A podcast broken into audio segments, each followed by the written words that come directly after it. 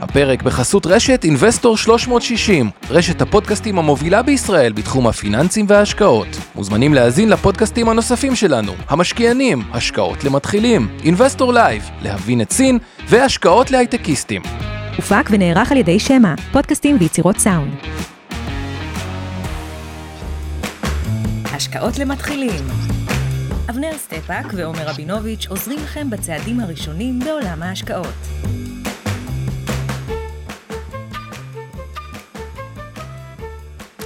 ערב טוב, עומר רבינוביץ', מפורטוגל.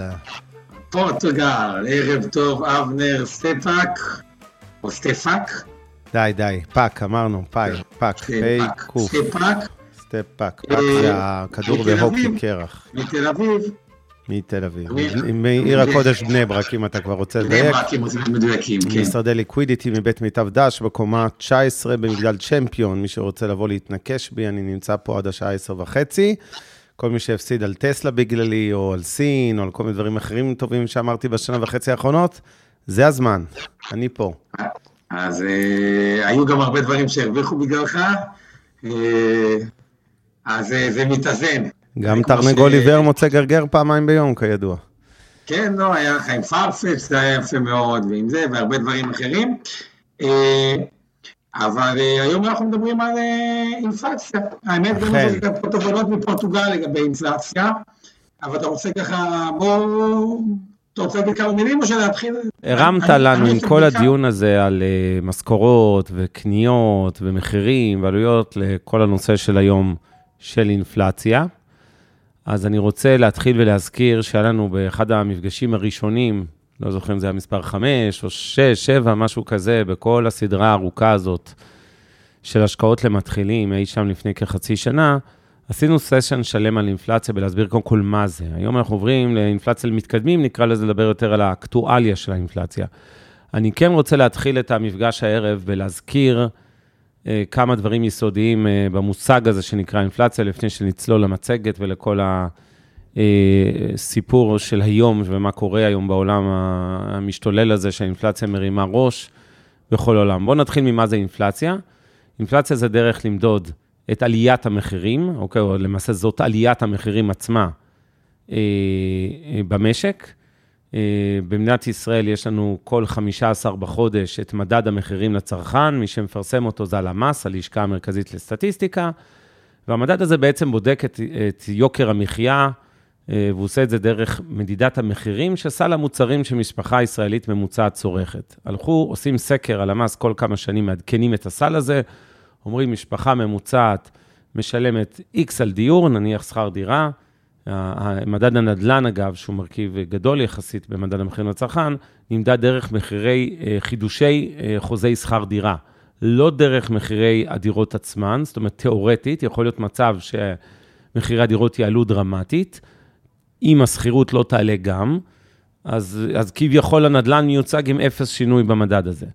אבל בודקים את כל מרכיבי הצריכה של המשפחה הממוצעת, אה, 4.2 נפשות בישראל, בודקים כמה אנחנו מוציאים על אה, סלולר, על אינטרנט, על אה, פירות וירקות, על הנהלה, על הלבשה וכולי וכולי, ועל דיור. ומרגע שקבעו את הסל, אמרו, דיור הוא X אחוז, פירות וירקות Y אחוז וכולי. אה, עכשיו, כל חודש, כל מה שנשאר זה למדוד את המחירים של כמה עולה קילו עגבניות וכמה עולה אה, שירותי סלולר וכולי וכולי, ובודקים מה קורה למחירים, ואז אתם שומעים כל 15 בחודש בחדשות שמדד המחירים לצרכן לחודש אוקטובר, זה היה אתמול אגב, נניח, אני סתם ממציא, ירד בחצי אחוז, עלה באחוז ורבע, ובגדול, זה האינפלציה, היא נמדדת דרך מדד המחירים לצרכן, והדבר הזה מתעדכן כל חודש. אפשר להגיד שבעשור האחרון, בנטרול השנה החולפת, האינפלציה הייתה ממש אפסית בישראל. גם השנת 2021 היא צפויה להסתכם בכ-3 אחוזים, קרוב ל-3 אחוז, זה לא דרמה. כן, אם כי, אבנר, שומעים טוב? אני מקווה, תכף תכתבו לנו בצ'אט מי ששומע. אני שומע אותך מצוין, אני פשוט לא, גם קודם שמעתי אותך טוב, ואנשים כתבו שלא, אז תכף נראה אני אם רק אפשר. להגיד, אני, אני כן שומע יותר ויותר ביקורות על זה שעכשיו נגיד יצאה האינפלציה בישראל 0.1, שכאילו הרבה ביקורת על איך מחשבים את האינפלציה, והאם זה באמת האינפלציה האמיתית, אבל כרגע בוא נשים את זה בצד. אני רק אגיד על זה באופן כללי, הביקורות בדיעבד האלה, כן, שומעים אותך טוב, מצוין, תודה ששיפרת. הביקורות על איך מודדים, זה קצת מזכיר לי את הסיפורים על הרצפה העקומה. השיטה בגדול לא השתנתה יותר מדי בשנים האחרונות. הסל עצמו, סל המוצרים, כמובן מתעדכן בהתאם לזה שדברים משתנים בחיים שלנו. אבל בגדול, אין מה אה, יותר מדי לשנות. אפשר לבקר כמה שרוצים, בסוף צריך איזושהי שיטה, זה לא שיש רק אחת תיאורטית, אבל אני חושב שבסך הכל זה נמדד בסדר. אה, אני כן אגיד שהאינפלציה הייתה אה, בשנים האחרונות שואפת ממש לאפס, לפעמים היו שנים אפילו של מינוס, מה שאנחנו קוראים תיאורטית דיפלציה, למרות שבדרך כלל המושג דיפלציה, שזה הפוך מאינפלציה, זה ירידת מחירים. דיפלציה בדרך כלל הכוונה היא לא לשנה שבה אנחנו רואים מינוס חצי אחוז, אלא למגמה יותר אסטרטגית. אה, ואני אגיד בהקשר הזה שיש עוד מושג שאתם צריכים להכיר, זה אה, יעד האינפלציה של בנק ישראל. בנק ישראל בגדול אומר, אני רוצה שהאינפלציה תהיה בין פלוס אחוז לפלוס שלושה אחוז בשנה, עם יעד האמצע של כ-2 אחוזים, זה בדרך כלל היה היעדים לפחות עשור האחרון, אם לא 20 שנה כמעט האחרונות. וברוב השנים אכן היינו פחות או יותר ביעד, ואם בכלל חרגנו, זה היה קצת למטה עם אה, אה, שנים שהיינו בין מינוס קטן לפלוס אחוז, שזה מתחת ליעד. היעד הזה הוא כמובן, זה יעד כהגדרתו, זה לא אומר, בנק ישראל לא עד כדי כך שולט באינפלציה, יש לו השפעה כמובן, אבל בסוף זה עניין של ביקוש והיצע. מה שראינו בגדול, אני אתחיל כבר את הפאנצ'ליינים של היום.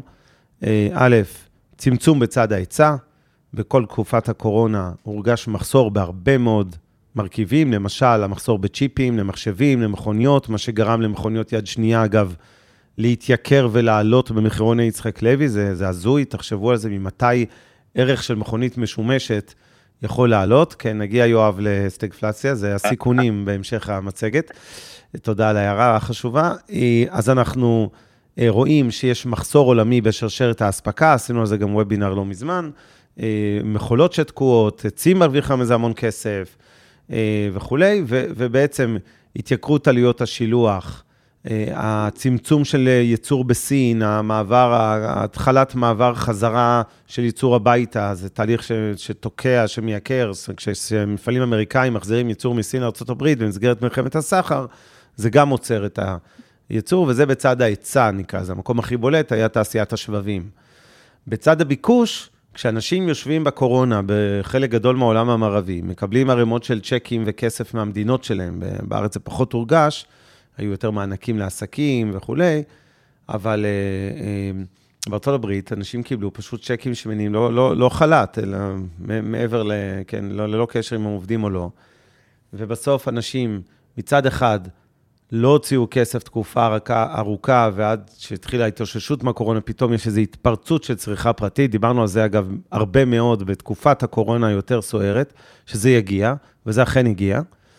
אה, אנשים יש יותר כסף, הם חסכו כסף, כי בתקופת הקורונה הם לא הוציאו, היה, לא היה נסיעות לחו"ל, לא היה הרבה מאוד uh, קניות.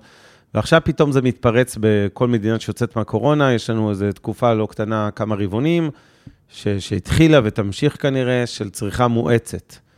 והדבר הזה, זה בעצם ביקושים, זה המשמעות של צריכה. כשיש לכם יותר ביקוש, כמו שאתם יודעים, המחירים עולים, מחירים עולים זה בעצם האינפלציה עולה, יוקר המחיה עולה. אה, עומר, אתה רוצה להוסיף דברים? כן, אני רק רוצה להגיד שתי, כאילו שתי הערות. אחד, האינפלציה, או למה הדיבור על האינפלציה הוא כל כך חשוב וכל כך כאילו מעסיק. אז קודם כל, מה שאבנר אמר, אם האינפלציה היא בתוך היעד, היא גם דבר שהוא טוב, כאילו היא מעט מקטינה את כוח הקנייה, נכון, זה הצד השלילי, אבל סך הכל זה שוחק את החוב, כלומר חוב של מדינות, כאילו אם הכסף שווה קצת פחות, אז החוב טיפה אה, נשחק, זה מעודד באיזשהו מקום השקעות, כי הם אומרים, טוב, אם הערך הכסף הוא נשחק, צריך להשקיע, חלק זה שוק ההון ובורסה, חלק זה השקעות ריאליות כמו נדל"ן, וחלק זה גם השקעות בעסקים וביצירה וכו', אבל זה דבר שהוא אה, טוב, הוא גם גורם ליותר צמיחה בעקיפין, אה, הוא מפחית את האבטלה, כלומר אינפלציה היא דבר שהוא חיובי. ממה מפחדים? מהיפר אינפלציה. מה זה אותו היפר אינפלציה? שפה מתחיל גם הוויכוח הגדול בעולם אם אנחנו לקראתו או לא לקראתו. היפר אינפלציה היא מפחיתה את הביטחון מזה שאני מבצע השקעות בצורה רציונלית, אוקיי, אני רוצה לקנות בית, אני רוצה להשקיע במפעל, אני רוצה לקנות טלוויזיה או אוטו, ומעבירה אותנו מזה שאנחנו מפחדים שאיך הכסף יישחק כל כך מהר, שאנחנו צורכים בלי היגיון או משקיעים בלי היגיון. כלומר, העיקר שלא יהיה לנו קאש, והדבר הזה הוא מניע עוד גלגלים. זה כמו שכאילו, אנחנו מפחדים שמחירי הנדל"ן יעלו, כי נגיד השנה הם עלו בתל אביב עשרה אחוזים, אז קונים, מוכנים להיות ב over price, לקחת מינופי יתר, לרוקן את כל הכסף שלנו, או, לקנות מצרכים, להיות אגרנים, מה שקורה הרבה פעמים, שאומרים עוד מעט בסופר, ייגמר המים, או ייגמר החלב, או ייגמר הביצים, אז פתאום כולם קונים את כל החלב, כאילו, קונים בצריכת אה, over, בין אם חסר ביקוש, בין אם חסר היצע, אה, או בין אם הפחד הוא מעליית מחירים. וזה מסוכן לכלכלה, כי זה מבטל את שיווי המשקל. אני רק אמשיך את אה, עומר מכאן, להגיד עוד אה, משהו חשוב על היפר-אינפלציה. למדינת ישראל יש היסטוריה עגומה מאוד עם אינפלציה. בשנות ה-80, שרובכם להערכתי עוד לא נולדו בהן, אה, גבולי, בשנת 84 האינפלציה בישראל הגיעה בשנה אחת ל-440 אחוז. כלומר, במילים אחרות, זה אומר ששקל שהרווחתם בראשון לראשון, או לירה, לא, זה היה שקלים, אז כבר, שקל ישן, מה שנקרא, הרווחתם שקל בראשון לראשון 84, בסוף שנה הוא היה שווה פחות מ-20 ומשהו אגורות בקיצור, אוקיי? כלומר, כוח הקנייה שלכם נחלש דרמטית, אתם עדיין הרווחתם בסוף השנה, עדיין נניח שקל, לצורך העניין לחודש, סתם לשם הדוגמה, אבל השקל הזה היה קונה הרבה פחות מוצרים, בגלל שהמחירים התייקרו אה, פי ארבע וחצי. עכשיו, או פי חמש וחצי ליתר דיוק, סליחה, זה המשמעות של אינפלציה של 450 אחוז. אה, ובסופו של דבר, אה, בתקופה ההיא, אנשים הפסידו, לא נעים להגיד, את התחתונים שלהם, את הדירות שלהם, הרבה מאוד דברים. מי שהייתה לו, אגב, משכנתה שלא הייתה צמודה למדד, תחשבו שיש לכם חוב של מיליון שקלים מהבנק, שהוא לא צמוד למדד, החוב הזה נהיה בעצם סוג של אפס, תוך כלום, תוך כמה חודשים, שנה, או ירד ב-80 אחוז בערך, כן? זה המשמעות של האינפלציה הזו, כי אה, אה, בעצם החוב נשחק לחלוטין. אה, באותו מצב, אז שמעון פרס אה, אה, נכנס לממשלה והפעיל את מה שנקרא תוכנית הייצוב, שממש הצילה את מדינת ישראל מקריסה כלכלית. זה אולי היה אחד הרגעים הכי מסוכנים בהיסטוריה הכלכלית של ישראל. אה, ולשמחתנו יצאנו מזה. אז הנושא של אינפלציה בישראל מאוד רגישים לו, אני אגיד כבר מעולם ההשקעות, המושג של אגרות חוב צמודות למדד, ויש רבות כאלה, גם אגרות חוב של הממשלה וגם אגרות חוב של חברות, כולל של מיטב דש, שאחת מהשתיים שלנו היא צמודה למדד, אה, זה מושג שכמעט לא היה קיים בעולם המערבי, לא בארצות הברית ולא באירופה עד לפני כמה שנים. אה, ברוב המדינות לא היו מכשירי השקעה שצמודים למדד, לא היה כזה מושג, זאת אומרת, לא בארצות הברית על מדד בארצות הברית ולא באירופה על אירופה.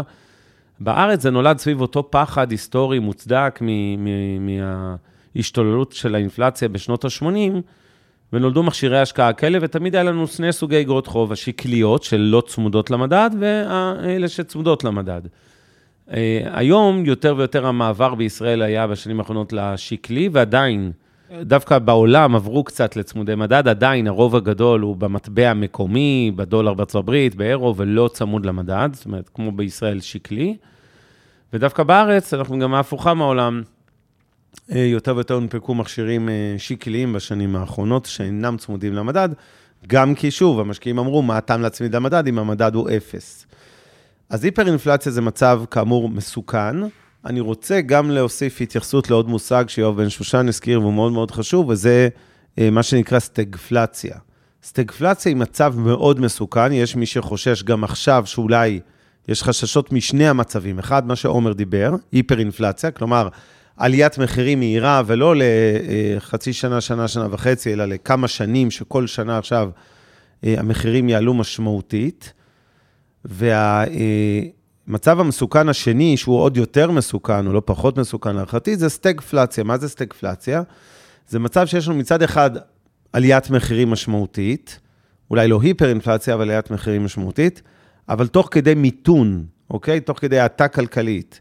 האבטלה היא גבוהה, האינפלציה היא גבוהה, אבל המשק בנסיגה.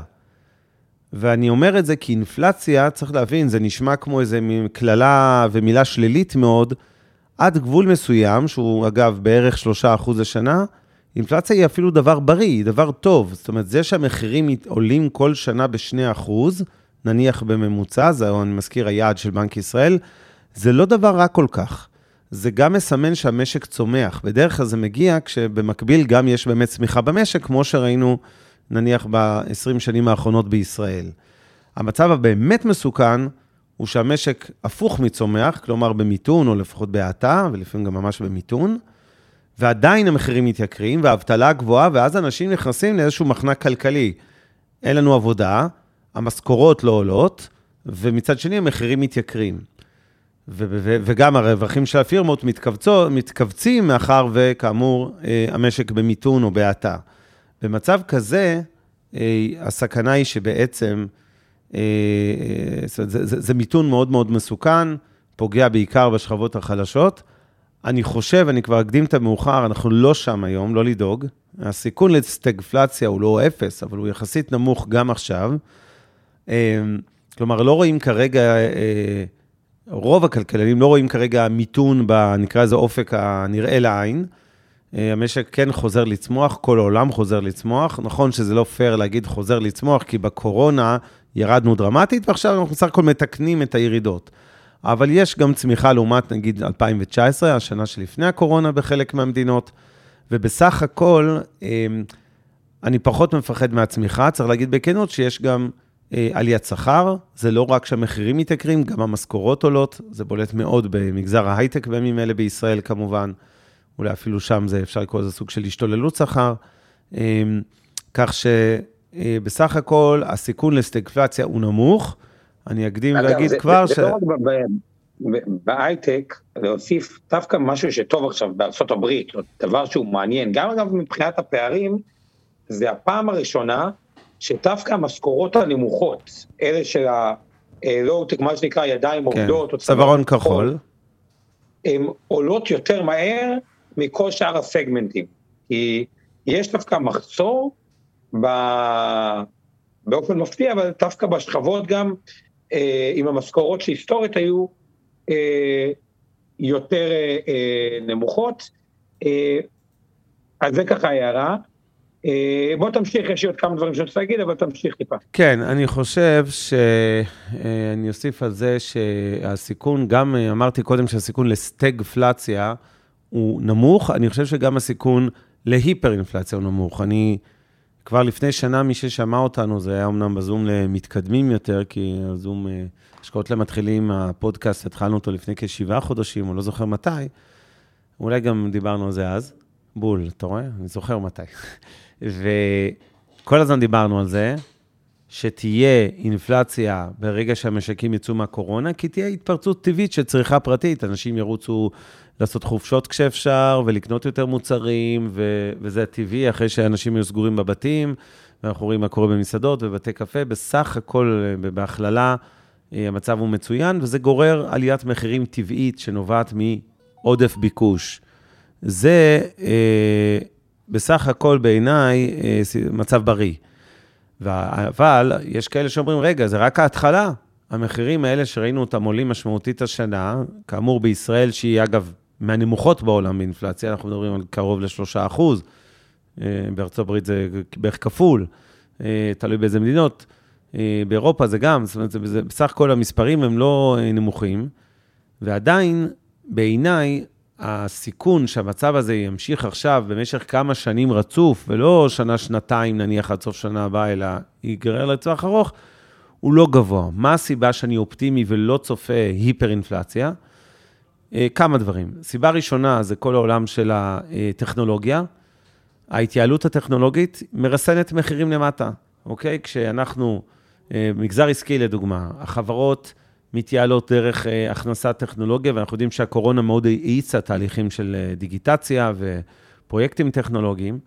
זה מאפשר לחברות להרוויח יותר כסף או להוריד מחיר, אפרופו תחרות, וזה לוחץ את המחירים למטה, אוקיי? אה, כשטכנולוגיה גם מחליפה כוח אדם בחלק מהמגזרים, אפרופו רובוטיקה במפעלי ייצור, לא משנה אם זה בארץ, בגליל נגב, או אם זה בסין, לצורך הדוגמה, כן, בהכללה, אה, אז זה גם תורם את תרומתו, למרות מה שעומר הזכיר בצדק, את העלייה של אה, שכר פועלי הצווארון הכחול בארצות הברית. אבל עוד דבר אחד שראוי להזכיר, זה דווקא בסקטור השבבים. מה שקרה בעבר, זה גם מין חוק כזה, השבבים מתקדמים, אבל כל המחירים בגדול של טלוויזיות, של טלפונים, של כל הנושאים האלה, הם נהיו יותר ויותר זולים, מה שנקרא, המרכיב הזה לפחות היה יותר אה, אה, זול. לא נעשה פה עכשיו אה, על כל השבבים, גם זה עולם גדול ויש שם כמה קבוצות, אבל נהיה יותר זול. עכשיו מה שמתחיל לקרות זה TSMC לדוגמה, שיצרן טיימון סמי קונטקטור מאוד גדול, הוא לא מוריד מחירים לאפל, הוא אומר אוקיי, מצד אחד אני אעשה מוצר יותר טוב, כן, הוא יהיה יותר מהיר, המחשב יותר מהיר, אבל זה כבר לא בא עם הפחתת מחיר, כלומר, יש כל מיני תהליכים שקרו בעולם לפני זה, בעיקר בתחום האלקטרוניקה או כל מיני דברים שהתרגלנו שכל הזמן המחירים יורדים, שהם יפסיקו לרדת. כלומר, יש פה כמה אה, אה, כוחות. מה שכן, אולי כן שווה למי שככה יש לו זיכרון יותר אה, ארוך או עם יותר ניסיון חיים, על ההבדלים בין שנות ה-70, ששם הייתה אינפלציה מאוד מאוד גבוהה בעולם, לבין היום. כי הרי הדור שלנו, גם הדור שלי, 35, הוא פחות מפחד מההיפר אינפלציה או הדברים האלה, כי הוא בחיים לא חווה אינפלציה גבוהה. הדור של לא רוצה לקרוא לזה פעם, כי הוא עדיין קיים, אבל אני ממש זוכר את זה שעדיין אבא שלי מספר, ובכלל סבא שלי שאמר, כן, ביצים קונים בתחילת אה, השבוע, בתחילת החודש, איך שאתה מקבל משכורת, או חלב קונים מהר, או זה, למה? כי סוף החודש זה כבר מאוד מאוד אה, אה, התייקר, אז צריך למהר, ואז זה גם גורם, שתבינו כמה זה מסוכן, זה גורם לזה שהסופר בתחילת השבוע הוא מלא, ובסוף השבוע הוא תראה, כאילו, זה ממש מעוות את הכלכלה. אבל מה שקרה, בשנות ה-70 או בעבר, היה גם משבר אנרגיה עולמי, כאילו באמת הייתה בעיית אנרגיה, אה, הייתה פגיעה באיכות חיים, אנשים צרכו יותר, זה דרש פתרונות אה, אה, פוליטיים, דרשו להוריד את הצריכה. היום, בניגוד לפעם, זה נובע מ... קודם כל מיותר ביקוש, ביקוש שהוא גדל, מה שאבנר אמר אה, לפני זה, זה פעם אחת. אז שזה צרה שכביכול צרה, אבל צרה טובה, אנשים רוצים לצרוך יותר, יש להם יותר פרוספרטי, זה דבר שהוא שונה. שתיים, מפתרון שבאמת האמריקאים רוצים לייצר, או אתם יודעים מה, זה לא רק האמריקאים. כל העולם מתרגל שסין מייצרים לו הרבה מאוד אה, דברים. והיה תת השקעה במפעלים, בכל מיני, אה, אה, בארצות הברית, יש אגב הרבה סיפורים על כל מיני עיירות בארצות הברית, שכביכול היה איזה מפעל, הוא ננטש, ואז כל העיירה עכשיו זה... היא לגמרי טוטלוס, כי כאילו המקור פרנסה של כל העיירה, שהיה איזשהו מפעל, נעלם. אה, ועכשיו מתחיל הרטרו של לחזור להשקיע בהם. אז מהבחינה הזאת, גם בחלק ממדינות המערב זה מעודד השקעות, ואנחנו דווקא מגיעים לתקופה הזאת, אה, אפרופו, זה מה שקצת יש חוסר בעבודות צווארון, צווארון כחול בין ה, אה, היתר, אבל מגיעים לתקופה הזאת במצב שהנושא של רובוטיקה ונושא של ייעול טכנולוגי ודברים כאלה, הוא מאוד מאוד השתפר, ככה שאני חושב שזה יהיה יותר אה, אה, נשלט, אבל בואו נבין רגע את הסיטואציה, מה קורה אם זה יוצא משליטה. אינפלציה גבוהה שיוצאת משליטה מחייבת להעלות את הריבית בצורה דרמטית כדי לציין הכל. ריבית שעולה בצורה דרמטית גורמת לפשיטת רגל של חברות ממונפות. זה התחיל מחברות כמו טבע, שיש לה המון חוב, והיא כאילו איכשהו שורדת, הרי יש המון חברות זומבי בעולם. מה זה חברות זומבי בעולם? חברות שהרווחים שלהם הם פחות או יותר מכסים את הריביות שלהם. זה קצת... אה, הריביות על הלוואות, כן. כאילו dead man walking קוראים לזה, כן. חברות אה, נדל"ן ממונפות, שכאילו רוב ההכנסה הולכת בשביל לשלם את הריבית. עכשיו, אם הריבית עולה, כל ה-Walking Dead הם בבעיה אה, מאוד קשה אה, ופושטים רגל. ואז איך זה משפיע על הבנקים, שפתאום הבנקים נלחצים כי זה מחיקות. ואז אה, זה שרשרת דומינו. עכשיו, ב-Walking Dead יש הרבה סיבות למה להחיות, והם כאילו בריבית נמוכה, הם מצליחים להתגלגל, כי כאילו כשעלות הריבית היא אפס, גם אם הרווחיות היא מאוד נמוכה, עדיין יש היגיון להחזיק את זה, או חברה כמו ג'ייסי פני, אז הקניון הוא כאילו משקיע בה, העיקר ששלם את הרנט. כן, ג'ייסי מיני- פני, מי שלא, בוא, אתה זורק אה, שמות, זה החברת אופנה האמריקאית, ש... או אמן המשביר לצרכן, שקרס פיננסית, ובעצם הקניונים שבהם אה, ג'ייסי פני צרכה, קנ- קנו אותם. נכון. אז אם אני עושה, הפחד הכי גדול הוא מהיפר אינפלציה. למה? היפר אינפלציה משבש הכל. אני חושב נכון. שזה מצב כאוטי, באמת מצב כאילו, נכון. זה נכנסים לכאוס, אנשים לא... קשה להבין את זה, אולי זה קורה במדינות כמו עכשיו בלבנון או בדברים, או שרואים תורים בסופרים, כאילו כן, דברים, או תחנות זה דלק. הפחד הכי גדול. כן, אני רוצה להגיד על זה, אה, כדי טיפה לחדד משהו שאמרתי קודם. הסיכון להיפר-אינפלציה הוא לא אפס, צריך להביא את זה בחשבון. הוא נמוך, אבל הוא לא אפסי, אוקיי? זה משהו שצריך להביא אותו בחשבון. אנחנו נדבר, ב, אני מציע, עומר, בדקות, בעשר דקות האחרונות של הפודקאסט הזה, קצת על ה, הקשר בין אינפלציה לתיק ההשקעות ומה אנחנו עושים מעשית. בהקשר של האינפלציה, איך מגינים מפני עליית האינפלציה, באיזה סוג השקעות אנחנו רוצים ממנה, מבחינת מניות וכולי, וסחורות, אם אנחנו חושבים שהאינפלציה תעלה, אבל אה, עוד נגיע לזה. אה, עומר, אתה מוכן אה, למבחן? אנחנו עושים לך, איך קוראים לזה? קהוט אה, אונליין, ספונטני? יאללה, תעשו. כמה עולה ביצה אבל- בישראל? עומר, כמה עולה ביצה היום בישראל? אה, תראי אם זה ביצי חופש. עזוב, עזוב, ביצים, רגילות. בוא, בוא, לבייסיק תלך, כן. כמה? אה, אתה לא יודע. 90 אגורות, בערך, מגל. כמה עולה ליטר כן, חלב? חלב, תנובה, שלושה, חמישה אחוז, אה, חלב שלושה אחוז הרגיל. בוא, ת- תספר לי, אבנר. יפה, אני אוהב את זה. אה, קצת פחות משש, אם אני לא טועה. כמה ביצים יש בתבנית ביצים, מהר מהר? 12, מה זה? יפה, עומר, סוף סוף. בגדול, אה, יש לנו במשק מחירים בפיקוח, זה מוצרי היסוד כדוגמת, אגב, גם הדלק, כן, כמובן מפוקח, אבל החלב והקוטג' וה, והלחם האחיד, אני לא זוכר מה כבר יצא מכל אלה, ואשל ועוד כל מיני מוצרי אה, בסיס, שהמדינה מגינה על המחיר, אבל בהכללה, אה, רוב המחירים במשק הישראלי והעולמי, אה, לא אה, כפופים לפיקוח אמיתי, ותיאורטית, או, שה, או שהשוק גורם לזה שהם יישארו נמוכים, או שפשוט בשוק חופשי והמחירים יכולים לעלות. כן, גם הסלולר היום, מעשית הוא לא בפיקוח, זאת אומרת, יש רשות, יש רגולטור ויש משרד התקשורת, אבל בגדול, חברות יכולות לעלות, מי שעקב עכשיו אחרי הדור 5, הם גם העלו את זה, ו... והם גם שיפרו את הרווחיות שלהם, זה לא רק שהם העלו בגובה ההשקעה בתשתיות ה-G5, שיפרו את הרווחיות בצורה שאגב הייתה צריכה להיות, שלא יובן לא נכון. אה, אני חושב שזו דוגמה דווקא למצב שהמחירים היו זולים מדי בעקבות הרפורמות של אה, כחלון בזמנו וכולי, והשוק הזה כמעט קרס עלינו.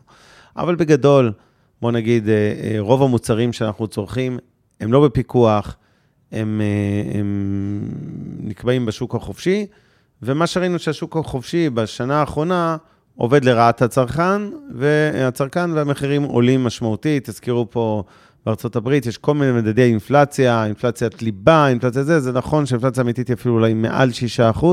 שוב, תלוי בדיוק על איזה מדד אנחנו אה, מסתכלים. אבי תיקן בצדק שיש קצת בלוף בארצות הברית, שהנתון אפילו יותר גרוע מאיך שהוא אה, מוצג. עכשיו, אה, וכמובן שלא חסר מדינות, אבי מזכיר את ונצואלה, זימבבואה, טורקיה, דרום אפריקה, ארגנטינה, זה מדינות שסובלות כבר שנים ממשברים אינפלציוניים, משברים כלכליים, וצודק עומר שאומר שחבר'ה, תיזהרו מהיפר-אינפלציה, כי זה כבר מצב שהאינפלציה יוצאת משליטה, משתוללת, אה, וזה המצב מסוכן. עוד אה, נושא שאני רוצה להתייחס אליו, שהוא מאוד פופולרי ומתקשר לאינפלציה, זה הדפסות הכסף. אחת הסיבות שהרבה מאוד כלכלנים, או בעיקר משקיעים בבורסות, אומרים, ברור שתהיה אינפלציה ענקית, ברור שזה היה ניתן לצפות מראש, הרי כל המדינות בעולם הדפיסו כסף בלי, בלי הכרה, גם בישראל, גם בכל מדינה אחרת, ובהגדרה, אם אנחנו מדפיסים כסף, אנחנו כביכול מורידים את הערך שלו, נכון? בדיוק כמו אה, כל היצע של מוצר אחר. אם יש משק, כסף במשק והגדלנו אותו ב-30 אחוז, או הכפלנו אותו, אז בהגדרה, לכאורה, הערך אה, של אה, אותו כסף שזה אמור להיפגע. עכשיו, אני חושב שבסופו של דבר, דווקא זה לא הגורם המרכזי בעיניי להתפרצות האינפלציונית. זאת אומרת, אם אני מנתח למה יש אינפלציה בשנים, בשנה האחרונה, זה בעיקר אינפלציה של ביקושים מצד אחד וצמצום היצעים, ביקושים גדלים מצד אחד וצמצום היצעים מצד שני, כל השרשרת האספקה, הבעיות, הצ'יפים, כל מה שכבר דיברנו. פחות אינפלציה שנובעת מהדפסות כסף. נכון שאפשר להגיד בעקיפין, מה זה הדפסת כסף? נתת צ'קים בארצות הברית למשקי הבית, נתת להם עוד כסף, זה עודד את הצריכה הפרטית, זה נכון, אבל זה לא, ה... נקרא לזה המינוח הקלאסי להדפסות כספים, ו...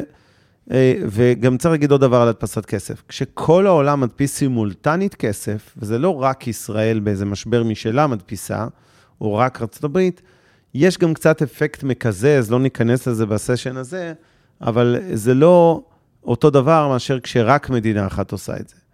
אה, ולכן בגדול, אה, אני חושב שכרגע אנחנו רואים אינפלציה, אני חושב שהמרכיב המהותי שהתחיל כבר להיות משמעותי וימשיך להיות משמעותי בעליית המחירים, זה עליית השכר דווקא. אה, אמר עומר בצדק, יש גם עליית שכר לא רק בהייטק ובמקצועות צווארון לבן, גם בצווארון כחול, בעיקר בארצות הברית. ובואו נגיד בכנות, גם בארץ קשה מאוד היום להשיג אה, אנשים בהרבה מאוד מקצועות של צווארון כחול, של רצפת ייצור, מרתכים ומסגרים ומיליון מקצועות אחרים ופועלי בניין אה, וכו', וזה מייקר את המשכורות שלהם. ושוב, זה חוזר למשק, כשאנשים מרוויחים יותר, הם גם צורכים יותר, הביקושים גדלים בעקבות הצריכה, כן, זה הביטוי לביקוש, צריכה מוגדלת, הביקושים גדלים, ואז המחירים של המוצרים עולים, אוקיי? הדבר הזה אה, לא ייעלם כל כך מהר מהעולם, הנושא של עליית אה, אה, שכר, ואני גם רוצה להסביר אותו קצת ממה הוא נובע ו, ומה בעצם קורה כאן היום בעולם. יש לנו מצב מאוד נדיר בשוק העבודה הישראלי והעולמי, שמצד אחד האבטלה היא עדיין גבוהה, שלא נתבלבל. האבטלה גבוהה, יש ביקושים גדולים לכוח אדם, וכאילו זה לא נפגש. עכשיו אנחנו אומרים, מה זאת אומרת? איך יכול להיות? אם האבטלה גבוהה, זה אומר שיש היצע גדול של אנשים שיושבים בבית, הפסיקו לקבל חל"ת, אה, אולי כבר לא מקבלים גם דמי אבטלה ולא עובדים.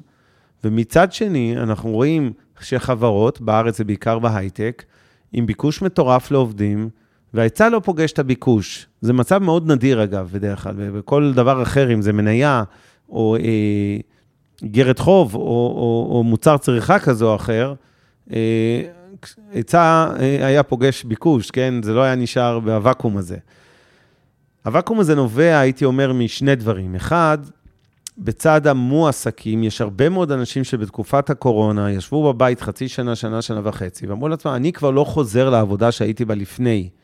אני עושה שינוי קריירה, אולי אני אפילו אלך ללמוד איזה שנה, שנתיים, אני אעשה הסבה למקצוע X, Y, Z, אולי להייטק, כי עכשיו זה מאוד ביקוש.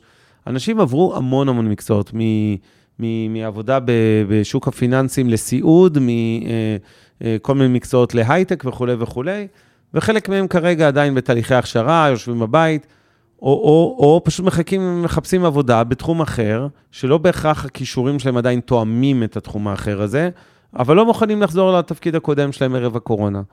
וזו דוגמה אחת. אה, ובאמת נוצרה חוסר התאמה, אני אומר מצד אחד יש היצע גדול וביקוש גדול אמורים להיפגש, יש חוסר התאמה גם בכשירויות. הביקוש הגדול הוא בעיקר בהייטק, ואין מספיק אנשים בישראל שיכולים לעבוד בהייטק כרגע בזמן אפס, כן? ברור שזה ישתנה בעקבות עליית המחירים והשכר בהייטק, אז יותר ויותר אנשים ילכו ללמוד את זה, אבל ילכו ללמוד את זה ייצר בציר של מועסקים, היצע חדש של מועסקים רלוונטיים, רק בעוד נניח שלוש שנים, חמש שנים וכולי, ולכן למעשה אנחנו עוד לא רואים אה, אה, את המפגש הזה של היצע וביקוש, וכרגע זה מביא לעליית אה, מחירי, עליית שכר בהרבה מאוד מקצועות, לא רק הייטק, אבל בעיקר הייטק, והמגמה הזו תישאר גם קדימה. עכשיו, זה גם, צריך להגיד, זה גם ביצה ותרנגולת, כי כשהמחירים אה, של מוצרי הצריכה עולים, הדירות, הפירות והירקות, הדלק, זה מביא ללחצים ששכר. באים עובדים, אה, גם בסקטור הציבורי, אוקיי, אלה שמואגדים בכל ההסתדרות אה, רופאים, אחיות, מורים וכולי וכולי, ולוחצים בעצם לפתוח את הסכמי השכר שלהם ולהעלות את המשכורות לשנים הקרובות. במידה מוקטנת זה קורה גם במגזר הפרטי, ובסופו של דבר זה ביצה ותרנגולת. השכר עולה, אנשים קונים יותר. אנשים קונים יותר, המחירים של המוצרים עולים, האינפלציה עולה. האינפלציה עולה, אנשים אומרים, רגע, אני צריך להרוויח יותר, כי אה, אה, לצורך העניין, אני היום יכול לקנות הרבה פחות עם אותה משכורת לעומת לפני שנתיים. אז זה איזשהו תהליך שמתישהו ייעצר, או על ידי מיתון כלכלי ומשבר אמיתי, זה במובן השלילי של המילה, או על ידי, נקרא לזה, תהליכים של התאמת משרות, פתיחת המשק גם ליבוא וייצוא עובדים. היום אנחנו יודעים את זה, שלא מעט אה, חברות אה, הייטק, למשל, מגייסות עובדים באוקראינה, בפיליפינים, אפילו בארצות הברית יש אזורים, אוסטין, טקסס, שמתכנת אמריקאי עולה יותר זול מבישראל כבר, מרוב שהמחירים פה התייקרו. ומצד שני, אה, למשק הישראלי גם לא תהיה ברירה אלא לאפשר יבוא של עובדים זרים. חסרים המון המון אנשים בהייטק, חסרים המון אנשים, אגב, בחקלאות וגם מקצועות אה, צווארון כחול ו offline נקרא לזה. אז יהיה גם יבוא. יהיה מצב, שוק העבודה העתידי, יהיו הרבה מכם שיעבדו בישראל עבור חברות זרות, מהבית פה, לא יעשו רילוקיישן כמו שהיה פעם לארה"ב, אה, אלא ישבו פה, יעבדו עבור חברה אמריקאית או חברה בסין או בהודו או בסינגפור או בגרמניה. אה, יעבדו בישראל, מהמחשב שלהם בבית, ו, וזה גם אה, שינויים שיקרו בשוק העבודה, וימתנו חזרה את האינפלציה. כרגע, עדיין אנחנו צופים, להערכתי, לפחות ב... נקרא לזה עוד שנה של אה, עליית מחירים יחסית גבוהה, כלומר אינפלציה גבוהה. אני לא חושב שאנחנו הולכים לשנים רבות של אינפלציה גבוהה. זה הזמן להזכיר לכולם, קודם כל להודות לעוז גצליק, שמנהל את השידור, מיטב דש, מהטכנולוגיה אצלנו, לאורית טולדנו שיושב כאן ועושה את הפודקאסט, אתם מוזמנים למצוא אותנו בכל הפודקאסטים, בכל הפלטפורמות של הפודקאסט, ספוטיפיי, גוגל, אפל וכו'. אה, אנחנו אה, השקעות למתחילים, אנחנו משודרים גם אצל אורה אריאל, אה, משקיעים בדרך להצלח... לעצמאות כלכלית, זה, זה, זה פשוט... מה זה? וואו, 100 אלף מאזינים לפודקאסט, שי, מטורף, איזה כיף, תודה שאתם איתנו. כמובן, להודות לשיר פלדמן, שעושה לנו את התמלול לשפת הסימנים עבור חרשים, לקויי שמיעה, וכל מי שמעוניין לראות שקופיות, כי לפעמים אנחנו מדברים, אנחנו, זה בעיקר עומר, מהר, אה, וקשה לעקוב, ומי שלא שומע פודקאסט, אלא רואה את הזום שלנו בלייב, זום שניתן למצוא בעמוד הפייסבוק של Investor 360 של עומר, או בדף העסקי שלי, אבנר סטפאק, עברית-אנגלית. אה, אז הזום משודר, אפשר לראות כתוביות. וכמובן, אנחנו שמחים אה, לענות גם לשאלות והערות שלכם. אמ, תודה לעמי ארביב, אור חלמיש ואורן ברסקי מהצוות של אינבסטור 360 על כל השידור, ולסיום נזכיר רק, לסיום רק ההערה, לא לסיום הפודקאסט, שכל מה שאנחנו עושים זה לא ייעוץ השקעות, לא תחליף לייעוץ השקעות, לא המלצה לביצוע פעולת השקעה כלשהי, לא תחליף לייעוץ שמותאם לצרכים שלכם בידי יועץ השקעות מוסמך. אם נזכיר מניות, והיום לדעתי כמעט לא הוזכרו ולא יוזכרו, אבל אם אנחנו מזכירים, תניחו ש... אי שם בתיקי השקעות, קופות הגמל, הפנסיה, השתלמות, קרנות הנאמנות, תעודות הסל של מיטב דש, אנחנו מחזיקים במניות האלה וכן יש לנו אינטרס, ובהתאמה באינבסטור 360. וכל מה שעומר אומר זה דעתו הפרטית ולא דעתה של אינבסטור, וכל מה שאני אומר כאן זה דעתי האישית, ולא בהכרח דעתה של מיטב דש, גם אם מטבע הדברים, כבעלים של מיטב דש, אתם יכולים להניח שיש איזושהי קורלציה בין מה שאתם שומעים ממני פה היום, לבין מה שאנחנו עושים בהשקעות אצלנו אה, ללקוחות. עוד מעט נחזור לשאלות שלכם. אני רוצה... להתייחס רגע, ל, אה, לעבור קצת על המצגת בעוד כמה נקודות, לחלק גדול ממנה כבר התייחסנו. לטובת מאזיני הפודקאסט, לא לדאוג, אנחנו תמיד מקריינים את השקפים שלנו. אז מה בעצם ההשפעה של אינפלציה? קודם כל, היא מקטינה את כוח הקנייה מצד אחד, אוקיי? כי המחירים עולים. אם הרווחנו את אותה משכורת והמשכורת לא עלתה, בשונה אולי קצת מהתקופה הנוכחית בחלק מהמקצועות, אז כמובן, עם אותם עשרת אלפים שקל משכורת ברוטו שאדם מרוויח, הוא יכול לקנות הרבה פחות כשהמחירים עולים, למרות שהוא מרוויח את אותה משכורת. זה מודד אה, צריכה והשקעה, אה, יכול, אה, אם הממשלה מעלה ריבית, ההשקעות נהיו יקרות יותר. אחד הכלים, כן, זה חשוב מאוד להדגיש, אחד הכלים למלחמה באינפלציה, אוקיי? אם אנחנו מפחדים נניח מהיפר-אינפלציה, ואנחנו לא שם, חבר'ה, אבל אחד הכלים זה שבנק ישראל יכול לכבות את השריפה עם המטף שקוראים לו ריבית, אוקיי? כשבנק ישראל מעלה את הריבית במשק, הוא מקטין את הכדאיות של אנשים לצרוך, ומעלה את הכדאיות להשקיע בחסכונות, לחסוך, מה שנקרא, לא מדבר על מניות, כי זה לא, אלא אני מדבר על חסכונות, מי שזוכר את המושג תוכנית חיסכון, או פק"ם, פיקדון קצר מועד, תחשבו לרגע שכמו לפני 20-25 שנה, היו מציעים לכם 10% לשנה בבנק, בפיקדון בנקאי. כנראה שרובכם הייתם חוסכים שם את הכסף, הייתם משקיעים הרבה פחות במניות, וגם בהתאמה הייתם צורכים פחות, נכון? כי אתם הייתם אומרים, חבל, מה אני מבזז עכשיו על קניות? אני יכול לחסוך 10% ריבית לשנה, אין סיבה לא לקנות ולא להשקיע במניות נניח או באג"חים. אה, הבעיה עם הנשק הזה שקוראים לו ריבית, שהוא לא מחסל רק את האינפלציה, אלא זה קצת, אה, נקרא לזה אולי כימותרפיה לבעיה שהיא לא סרטן. והיא פוגעת גם בתאים הטובים והבריאים של המשק, והיא אה, לצורך העניין פוגעת בצמיחה של המשק, אוקיי? כי תחשבו גם על החברות, אם חברה יש לה היום כסף בקופה והיא מקבלת 10% ריבית, אז קודם כל לא שווה לה להשקיע ולקנות מפעלים חדשים ולבנות מפעלים וכולי, כי תגיד, אז עדיף לי, עזבו את העסק, אני ארוויח מהריבית. מצד שני, אם היא רוצה לקחת הלוואה, וכשהריבית מאוד מאוד התייקרה, אוקיי, ונניח שהריבית בנק ישראל, סתם אני ממציא, כמובן זה מדע בדיוני, אבל נניח היא הייתה 10 אחוז, וזה אומר שהבנקים היו מלווים כסף לעסקים ב-15 אחוז, אין הרבה עסקים שהיו יכולים להתקיים אה, ולצמוח ולשגשג, כשהם צריכים לשלם על ההלוואות שלהם 15 אחוזים בשנה, אוקיי? ולכן אה, זה כמובן אחד הסיכונים בנשק של הריבית. אה, החובות, למי שהחובות שלו שקליים ולא צמודים למדד, וזה היום המצב במשק הישראלי, רוב החוב, אגרות החוב הקונצרניות, חוב בבנקים, רוב ההלוואות הן לא צמודות למדד. מי שלקח משכנתה בעשור האחרון, אני מוכן להמר ש-80% מהמשכנתה שלכם היא שקלית, בין אם זה מסלול פריים או קל"צ, מה שנקרא, קבועה לא צמודה למדד, אוקיי? אתם לא, אז בעצם אפקטיבית, למרות שהחוב שלכם הוא תום 700,000 שקל, נגיד לקחתם הלוואה אתמול בבוקר, היא כולה שקלית, ועכשיו אני אגיד שהאינפלציה תעלה, אז החוב שלכם אולי נשאר נומינלית 700,000 שקל, אבל מעשית הוא כאילו ירד ב-10%, אוקיי? של עליית האינפלציה.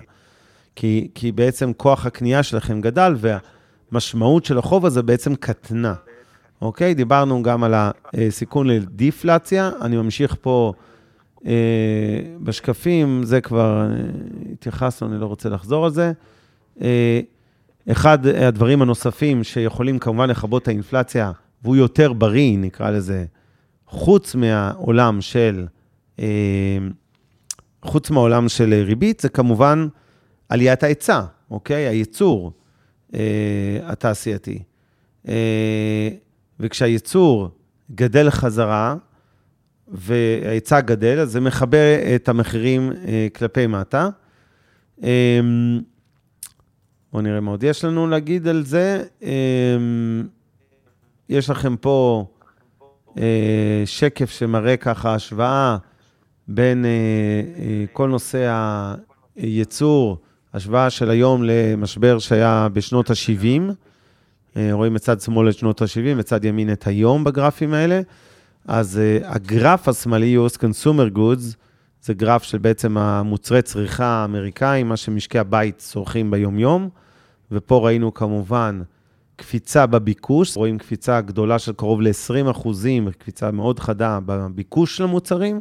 ומצד שני, הייצור נשאר כמעט ללא שינוי, אפילו עד לפני כמה חודשים הוא אפילו היה בירידה של 12 אחוז, עכשיו הוא חזר לקו האפס פחות או יותר, אבל עדיין לא מדביק את הגידול בביקוש, אוקיי?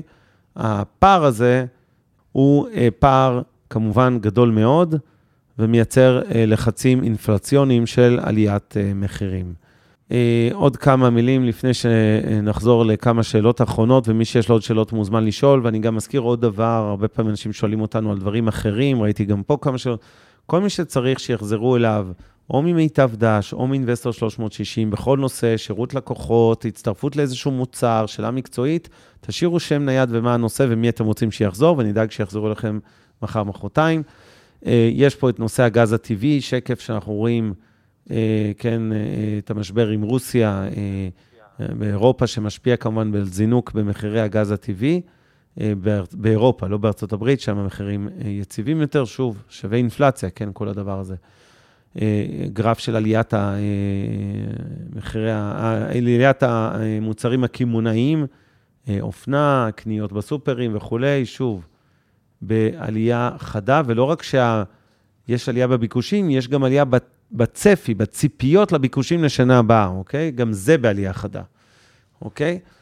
עוד הבדל בין המשבר היום למשבר שנות ה-70, שאז היה מלאי, היום יש בעיה גדולה יותר בצד ההיצע.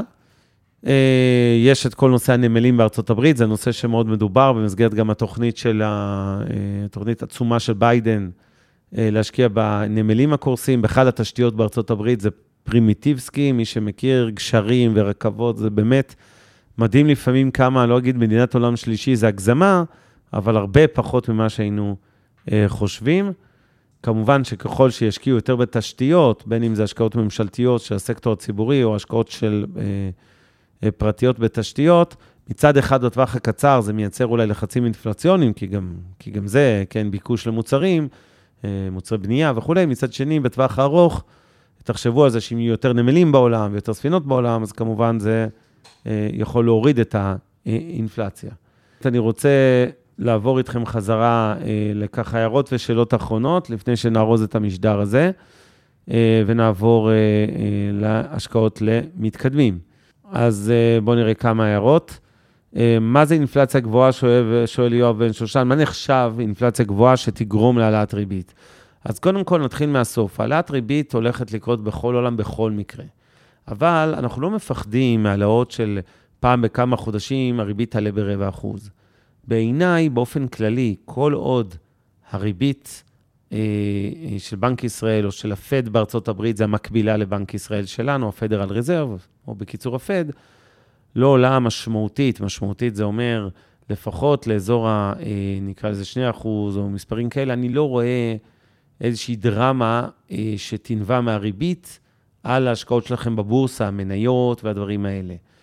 ופה גם הקשר בין אינפלציה לבורסה, אוקיי? אינפלציה גורמת להעלאת ריבית. אם היא אינפלציה מפחידה וארוכה, לא אם היא אינפלציה של 2-3 אחוזים, שזה ממש לא מדאיג, זה סביב היעד של בנק ישראל ממילא. אבל אם נראה עליית ריבית משמעותית, ולא כאלה פעימות קטנות של רבע אחוז כל כמה חודשים, או יהיה צפי להמשך עלייה משמעותית, נקרא לזה, אחרי כמה פעימות קטנות כאלה, אז כמובן שנראה את ההשפעה של זה על שוק המניות בצורת ירידות שערים, האג"חים, אגרות החוב של ממשלות, שהיום נסחרים, נניח, ישראל, ארה"ב, בפחות מ-2 אחוז, אחוז וחצי, תלוי ב- ב- ביום המדויק שאנחנו בודקים, אבל מספרים נמוכים יותר, עד שהריביות האלה, התשואות באגרות החוב, לא הגיעו לאזור ה-2.5-3 אחוז, שזה רחוק יחסית מאיפה שאנחנו היום, אני לא חושב שמשקיעים יגידו, טוב, טוב, טוב, אני בורח משוק המניות בשביל לקבל 2.5 אחוז לשנה באיגרת חוב לעשר שנים, אני מזכיר, זאת אומרת, זה לא 2.5 אחוז לשנה באיגרת חוב קצרה. מי רוצה להתחייב לעשר שנים השקעה בשביל לקבל 2.5 אחוזים וחצי? כנראה שלא רבים. ולכן, אני כרגע לא רואה סיבה לדאגה משמעותית מהעלייה האינפלציונית, לדאגה משמעותית בהשפעות שלה לא על המשק העולמי, ובטח לא על שוק המניות. יש סיבות אחרות, שוק המניות הוא לא זול, כן, הוא, הוא בהחלט אה, לא זול, אה, אבל אה, אני לא חושב שצריך לדאוג מהאינפלציה, אני לא חושב שאתם צריכים לחפש באפיקי השקעה אינפלנציוניים, למשל, אגרות חוב צמודות למדד. צריך להגיד בכנות שרוב האפיקים שכן צמודים למדד, שמגינים עליכם, מפני מדד יש בגדול שלוש אופציות עיקריות. האחת זה להשקיע באגרות חוב צמודות למדד, אין מניות צמודות למדד, אבל אגרות חוב צמודות למדד. האופציה השנייה היא להשקיע בזהב, זה סוג של גידור, גם לשוק המניות, גם קצת לאינפלציה. והאופציה השלישית היא כמובן מחירי הסחורות, כן, לקנות, יש תעודות סל על סחורות, על מתכות, על נפט, על סוכר, על סויה, על סחורות חקלאיות, מה שאנחנו קוראים, לא חסר. אני לא חושב שזה צריך להיות מרכיב משמעותי, כי כאמור, אני לא כל כך מפחד מתרחיש של אינפלציה, של היפר-אינפלציה ומדד אה, אה, גבוה מאוד, ולכן אני לא חושב שאתם צריכים להיכנס לאיזה לחץ ולחפש השקעות כאלה. בפרט, אני מזכיר שאגרות חוב צמודות למדד, רובן הם של הממשלה, מיעוטן הן אגרות חוב קונצרניות של חברות, ובשני המקרים התשואות שלהם היום אה, נמוכות ביותר. אוקיי? אמ, זהו, אני ככה, ב... אנחנו לא נעשה היום, תכננתי לעשות את הפינה החברתית, אנחנו נעשה אותה שבוע הבא, אנחנו כן נעשה במתקדמים היום, בהמשך הערב. אז לפני שנעבור, בואו נראה אם יש עוד כמה דברים שפספסנו. אה, דוד ירושלמי מדבר שהיה גם גיוס אה, עצום של עובדים לבנקים, כי היו צריכים הרבה לטפל בלקוחות שרצו להשקיע את הכסף שלהם. אה, ובשנים, זה בעבר, ובשנים האחרונות הבנקים מתייעלים מאוד. זה בדיוק הדוגמה שנתתי למשהו שמרסן לחצים אינפלציוניים, אוקיי? לצורך העניין, בנקים פיטרו אלף, אלפים רבים של עובדים בשנים האחרונות, פיטרו, הוציאו לפרישה מרצון בכל מיני תוכניות, וזה כמובן אה, גורם לעליית רווחים, ותיאורטית בענפים שהם תחרותיים, גורם גם לירידת מחיר, אה, אה, העניין מרסן את האינפלציה. הלאה, הסכנה העיקרית, אומר תמיר ברגר, לגבי אינפלציה גבוהה יחסית, שלא ניתן לצפות, היא שלא ניתן לתכנן את המדיניות הכלכלית, זה נכון, גם המיקרו ברמת העסק עצמו, הצרכן הפרטי ששואל את עצמו אם זה הזמן לקנות דירה, או בכלל כל מיני תוכניות אחרות של קניות. אה, וגם מבחינת המדינה, זו הערה מאוד חכמה של תמיר ברגר, אה, גם מבחינת המדינה, תקציב ומיסים, מאוד מאוד קשה. אה, זהו, אנחנו נארוז את המשדר הראשון שלנו. תודה לכל מי שהיה איתנו, הרבה מאוד אנשים, תודה לכל מי ששומע אותנו בפקקים, בפודקאסט שלנו. השקעות למתחילים, אתם יכולים למצוא אותנו כמובן בכל פלטפורמות הפודקאסטים. אנחנו מזכירים גם לאלה שמצטרפים עכשיו, במתקדמים נקרא לזה, או כמו שאנחנו קוראים לזה, המשקיענים, אה, תביאו לנו את החבר'ה הצעירים שלכם, או לא דווקא צעירים, אנשים שלא מבינים בשוק ההון. אני חושב שהסדרה הזאת שהתחלנו לפני שבעה חודשים, אה, בהחלט אה, רלוונטית. אנחנו, אתם יכולים גם למצוא פודקאסטים ישנים. אנחנו ממש יצאנו למסע שמסביר מההתחלה את כל מושגי היסוד, מה זה מניה ומה זה איגרת חוב ומה זה משכנתה ומה זה ביטקוין, ויש כבר עשרות, אה, עשרות רבות, בטח איזה 30 ומשהו, אני מניח, פרקים, נכון, שעשינו בסדרה הזאת? 36, 7, אז יש לנו בקיצור הרבה אממ, תוכן, הוא חינם, אה, הוא, אני מקווה, בשפה יחסית פשוטה לאנשים שלא חיים השקעות ולא עובדים בשוק ההון ולא משקיעים בעצמם אה, כבר הרבה שנים ומבינים את הכל. אז אתם מוזמנים אה, לשלוח אותם לחפש את אה, השקעות למתחילים, סטפאק רבינוביץ', אה, וזה אחד, ומי שרוצה לצפות בפודקאסטים, סליחה, בזומים האלה, אז כמובן אפשר למצוא אותם בעמוד שלי, אבנר סטפאק, או בעמוד של Investor 360, בדף העסקי אצלי. שיהיה לילה טוב, שיהיה עוד שבוע מעולה בהשקעות, שהכול יסתדר, ושיהיה באמת, שתצליחו ותעשו טוב, תעשו הרבה טוב, זה יחזור עם ריבית, בסדר? מבטיח. מעוניינים ללמוד יותר על עולם ההשקעות? האזינו לפודקאסטים נוספים שלנו.